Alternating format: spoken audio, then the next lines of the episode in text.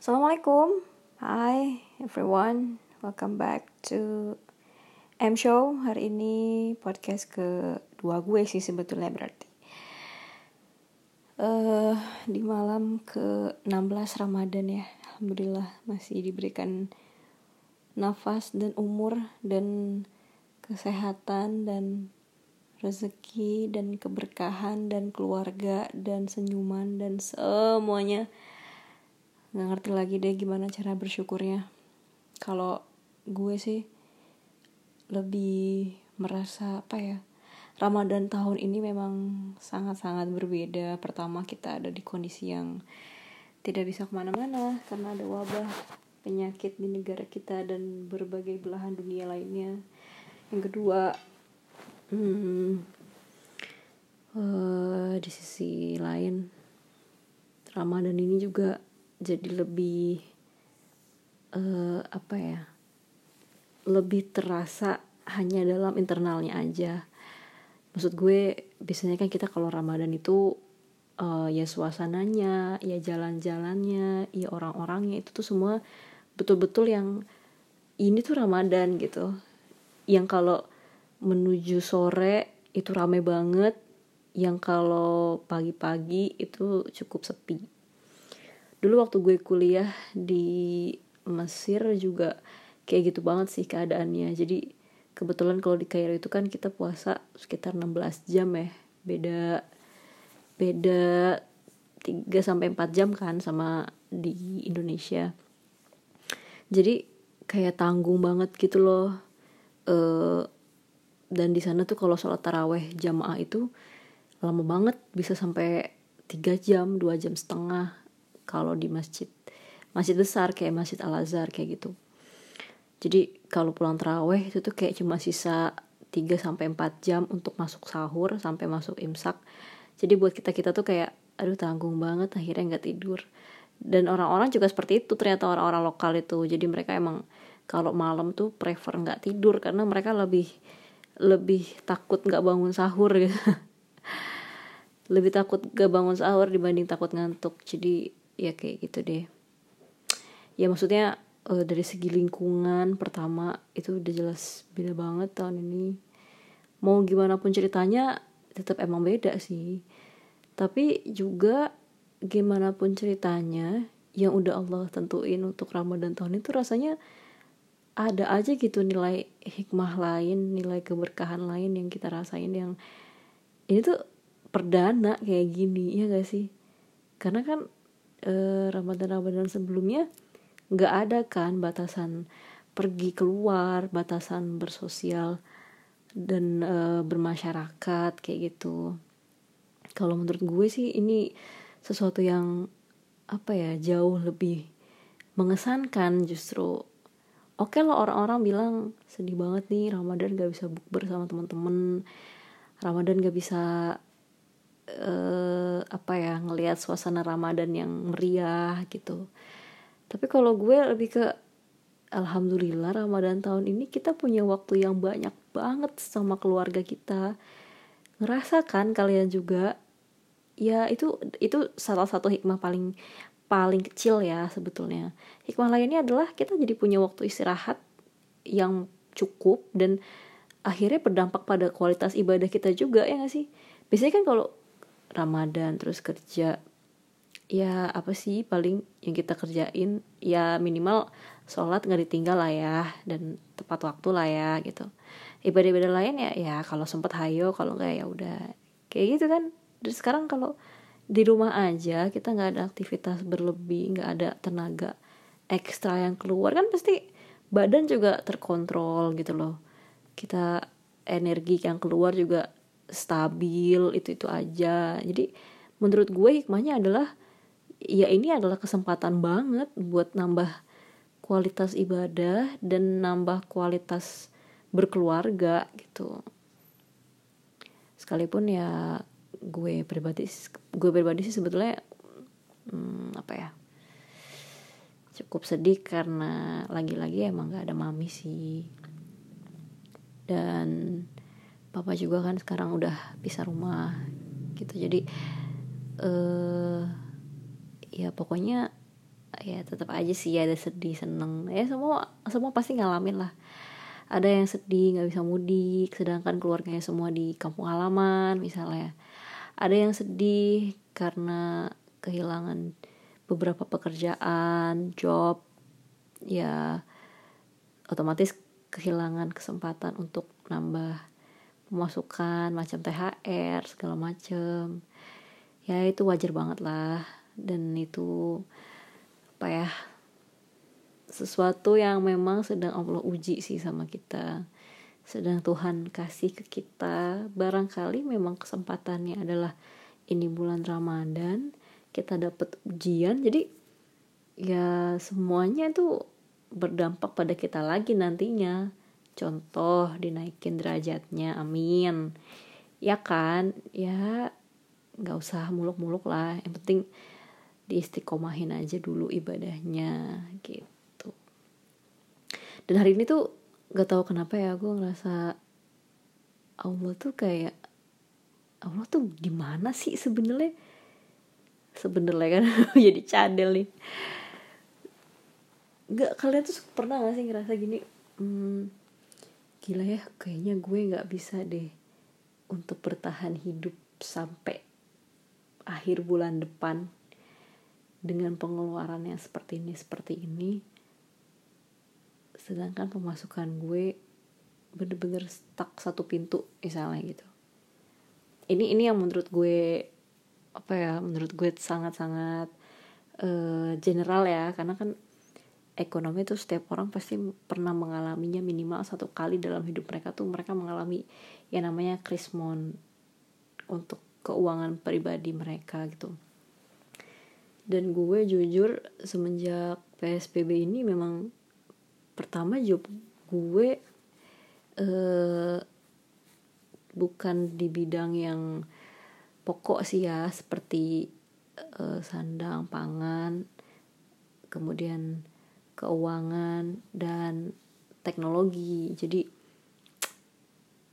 pekerjaan gue nggak nggak nggak begitu berhubungan dengan hal-hal itu. Jadi semenjak psbb dimulai itu gue cukup dirumahkan banget banget sih. Jadi ya paham lah ya artinya dirumahkan. Job gue nggak ada dan pemasukan gue juga uh, di stop gitu untuk bulan ini. Jadi hmm, apa ya gue gue jujur banget nih nggak ngerti kenapa gue gue pengen banget sharing ini tapi yang pengen gue kasih tahu tuh sebetulnya bukan sisi itunya sih guys. Gue cuma pengen pengen kasih tahu kalau ternyata ya yang kita pikirin stuck segitu aja nggak ada jalan keluar lain itu tuh salah besar banget dan gue kerasain banget di bulan ini. Entah karena ini memang bulan yang penuh berkah penuh ampunan penuh kasih sayang gue nggak ngerti atau entah memang memang ini waktunya Allah tuh lagi memberikan pembuktian dirinya gitu sama gue. Karena beberapa bulan sebelumnya juga gue pernah sih merasakan kayak aduh gimana nih? Gue pengen banget ke sini gue pengen banget ini ini ini gue ada kebutuhan ini segala macam. Tapi ya gue nggak punya kesempatan lain untuk menambah uh, pundi-pundi ekonomi gue sendiri gitu. Dan kemudian akhirnya adalah bantuan adalah bantuan adalah bantuan. Yang gue sama sekali nggak ngira dan nggak minta gitu awalnya. Gue tuh cuma minta please ya allah kasih jalannya. Kalau emang baik please banget tolongin sampai gue bener-bener ngerasain gue megang ini gitu. Sampai gue ngerasa bener-bener gue dapetin yang yang, yang gue butuhin sekarang ini. Tapi dengan keadaan gue yang pas-pasan dan sekarang banget ini tuh di bulan ramadan banget aduh masya allah deh. Ya yang pengen gue kasih tahu tuh sebetulnya kalau misalnya kalian masih merasa kayaknya gue belum disayang nih sama Tuhan gue gue kayaknya belum belum bisa nih yang kayak orang-orang uh, ngeluarin duit sekian tiba-tiba ntar ada balasan duit sekian itu ya ya nggak semuanya memang harus dengan seperti itu dibalesnya sih. Dan gue sekarang percaya banget. Dulu gue sempet denger cerita temen gue dia sedekah eh nggak sedekah sih. Intinya dia dia punya rasa simpati yang cukup besar. Kemudian nggak sengaja lah dia lewat uh, lewat di pinggir jalan ini ada pengemis kakek-kakek gitu kan.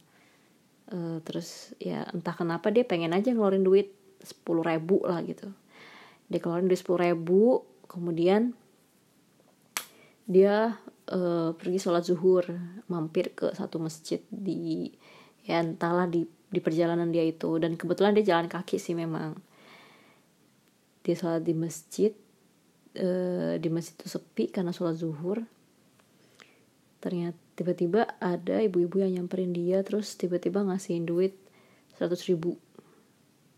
Dan itu gue dia dengar cerita itu eh dia ceritain itu ke gue dengan nada yang setengah kaget speechless tapi yang seneng banget. Dan gue ngedengernya yang merinding aja gitu kayak ah gila gila ini ini bener banget. Tapi kok gue belum ya. Gue sebetulnya apa jangan-jangan itu tuh buat orang-orang terpilih aja ya? Orang-orang kayak gue nggak pernah dapet kejadian kayak gitu. Awalnya sempat kayak gitu serius. Gue juga pernah. Ya tapi ternyata ke sini sini disadari ya emang gak semuanya bakal kayak gitu juga kan. Gak semua balasannya tuh sama gitu. Karena ya ya Allah tuh udah ngatur kita kayak gimana pun tuh udah ada gitu ceritanya. Jadi bener sih kata film-film India film-film ya, yang gue tonton lainnya hidup itu ya tinggal kita jalanin aja. Sebenarnya semuanya udah diatur sama Tuhan. Kunci kita adalah menjalaninya gitu kan kalau di film kita nonton kayak ha yang udah basi udah basi. Eh tapi itu itu sebenarnya untuk kita jalan tuh susah loh itu. Aduh asli deh. Kayak gue bangga nih gue seneng banget nonton film India. Kalian ada yang sih yang ada gak sih yang seneng film atau yang kayak fanatik banget gitu sama satu genre film gitu sampai sampai yang dengan nonton film itu sekali itu kalian bisa langsung nangkep semua pelajaran atau atau nambil hikmah atau apa segala macam gitu gak sih uh, gue nggak sefanatik itu sih sama film-film India. Cuma kalau gue dengan film India itu uh, seperti apa ya? Seperti hidup aja gitu hidup gue. Lama banget coy film India itu. Nggak tapi di situ banyak apa ya banyak hiburan yang hiburan yang bener-bener niat banget nih orang nih ngehibur. Dan dan apa gue tahu banget film India itu produksinya nggak gampang bro. Pertama ya ya actingnya ya artis-artisnya ya skripnya gitu kan. Kemudian lirik-lirik lagunya terus dubbingan lagunya. Yang terakhir dancingnya juga gila itu? Belum lagi properti tempat segala macam. Wah gila tuh film India tuh. Gue sampai mikir loh duit uh, orang India tuh kalau ngeluarin duit buat film berapa ya? Tapi kok orang-orangnya warga-warganya masih banyak banget yang kayak kekurangan banget banget gitu loh. Aduh. Ya itulah. Kok jadi India sih? Ya pokoknya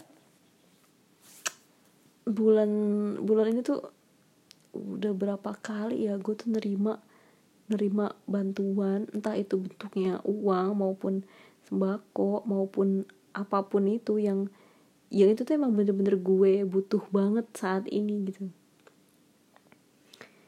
bukan yang bukan yang gue mau gitu. Emang emang gue maunya tuh adalah uh, gue maunya gue tetap bekerja gue tetap bisa berproduktif gue tetap bisa menjadi uh, orang yang dihandalkan oleh adik gue bokap gue keluarga kecil dan keluarga besar gue gitu. Cuma ya ya kayak gini keadaannya gitu kan. Kadang merasa dilema sendiri gitu. Orang-orang masih ada yang bisa kerja kok masih ada yang bisa berkreasi berkarya gue apa ya? Gue, gue pengen banget gue gatel banget. Gue pengen kayak orang-orang yang udah bisa bisnis bisa ini segala macam. Cuma lagi-lagi ya balik ke passion sih ya kan? Ya nggak bisa juga kan kita maksain dan uh, ber, ber apa namanya berkarya dengan landasan pengen ikut-ikutan orang gitu tuh tuh gue sih nggak setuju banget. Makanya ya dilema gitu. Sisi lain gue pengen ada yang gue kerjain tapi sisi lain ya emang gue nggak passion gitu ya gimana gitu kan. Kita nggak bisa maksa diri kita juga kan. Ya di situlah setelah itu bantuan Allah turun gitu. Ya karena kita juga minta karena gue juga berusaha dengan doa gue gitu. Dan kalian juga kalau misalnya punya sesuatu yang mendilemakan kalian seperti ini ya gue saranin doa lo jangan berhenti. Eh, tetap aja lo harus minta gitu ya, kalau udah lo kalau lo udah sampai nggak minta sama Tuhan sih tandanya lo udah sombong akut banget itu guys. Dan gue apa ya gue sangat-sangat mm, berdoakan diri gue sendiri untuk tidak menjadi golongan yang seperti itu. Gitu. Jadi bulan ini ada aja gitu tambahan. Entah itu sembako. Gue sama bulan ramadan gue belum pernah loh beli beras sama sekali belum. Dan gue nggak beli minyak sayur. Gue selalu apa ya selalu ada pegangan uang gitu. Padahal di akhir bulan kemarin tuh gue udah ngebayangin yang udah ya udah ya Allah yang penting aku dikasih nafas dikasih makan ada, makan yang bisa aku makan. Eh, it's okay gitu. Ternyata gak ngerti deh. Ternyata lebih banget dan dan itu semua yang gue butuhin banget gitu. Bukan cuma gue adik gue keluarga gue kita semua di sini. Yang kita semua saling berusaha saling saling menguatkan saling mendoakan. Cuma bisa saling ngobrolin gimana ya kapan ya corona selesai gimana kapan. Kayak gitu aja usaha kita tuh.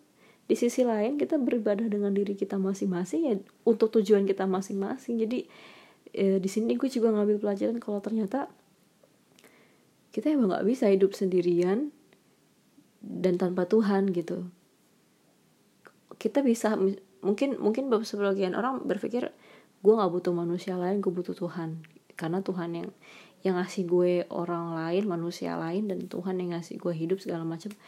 Menurut gue itu juga tidak tidak relevan. Karena ya gimana kita mau menghadapi hidup gitu loh bisa kita mau menghargai kehadiran orang lain kalau kita sendiri nggak pernah ketemu dengan orang lain itu. Nggak nggak pernah kita berinteraksi. Atau ya kebalikan yang lebih parah gitu kan. Kita nggak kita berasa kita cuma butuh orang lain untuk berinteraksi. Kita nggak butuh Tuhan. Itu juga udah itu sih ngaco sih.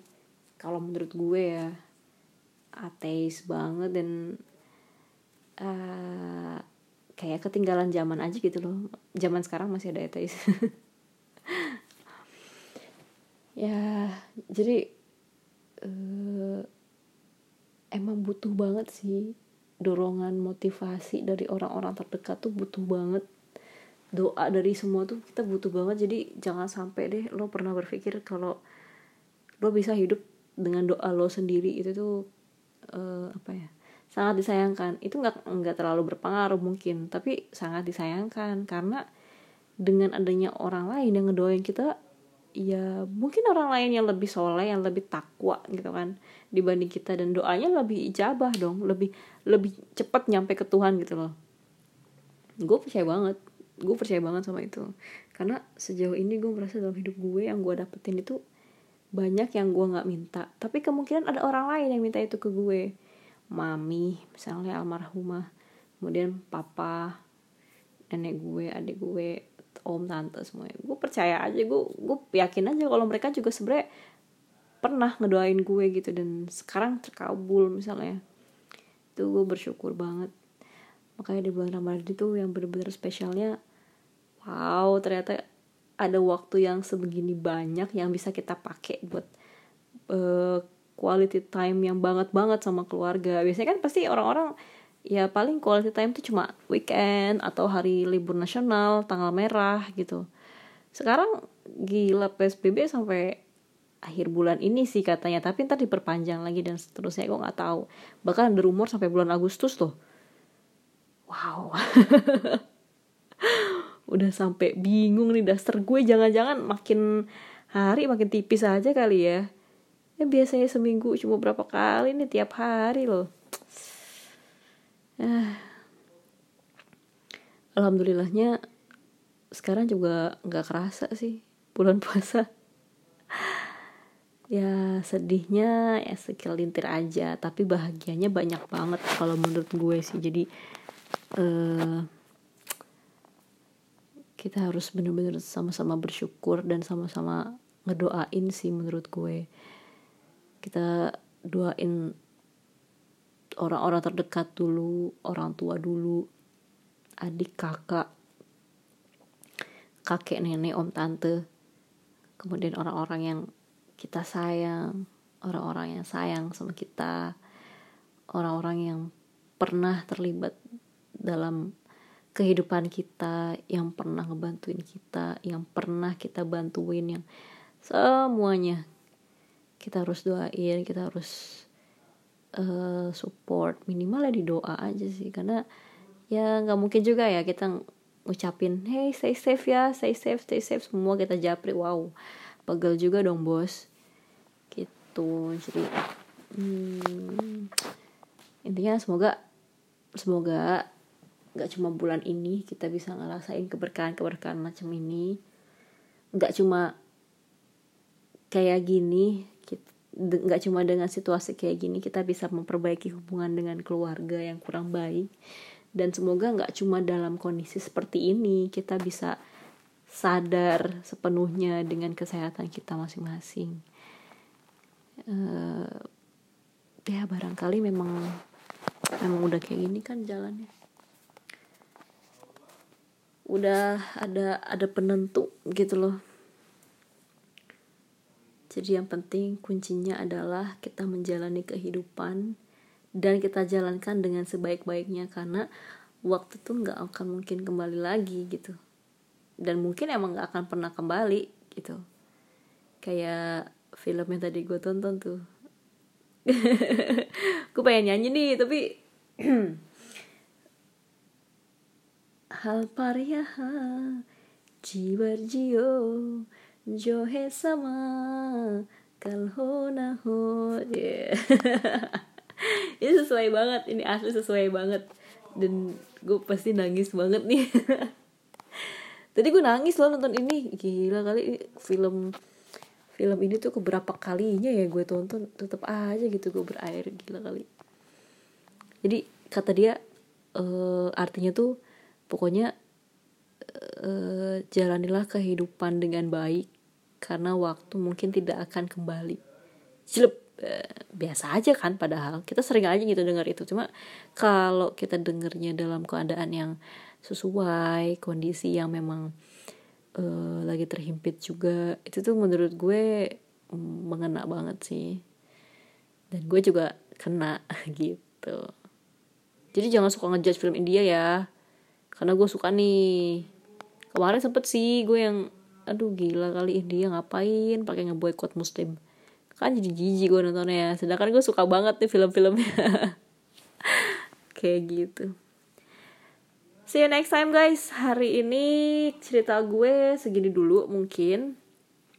Lagi-lagi kita harus uh, mengulang nih hari ini kira-kira kegiatan bagus apa yang bisa kita lakuin terus-menerus dan kegiatan buruk apa yang sebaiknya kita nggak pernah ingat dan kita lupain aja gitu dan jangan lupa tidur yang cukup supaya sahurnya dan stamina itu terjaga. Jangan lupa minum susu dan minum air putih yang banyak supaya stamina lo juga semuanya terjaga. Sampai ketemu lagi ya. Kita ngobrolin apa ya kira-kira next time. Belum tahu sih. Yang pasti dengan suara serak-serak bahasa gue ala BCL eh LCB soalnya kata tante gue gue tuh mirip LCB katanya lo dia Cynthia Bella. Hah, udah GR kan suaranya gitu. Oh thank you. Gak apa-apa lah ya masih ada nuansa-nuansa artisnya gitu kan dimiripin. See you next time. Sampai ketemu lagi di lain waktu. Sampai ketemu lagi di suara-suara selanjutnya. Uh, insya Allah tetap suara gue sih gak ada suara-suara tambahan yang lain. Bye assalamualaikum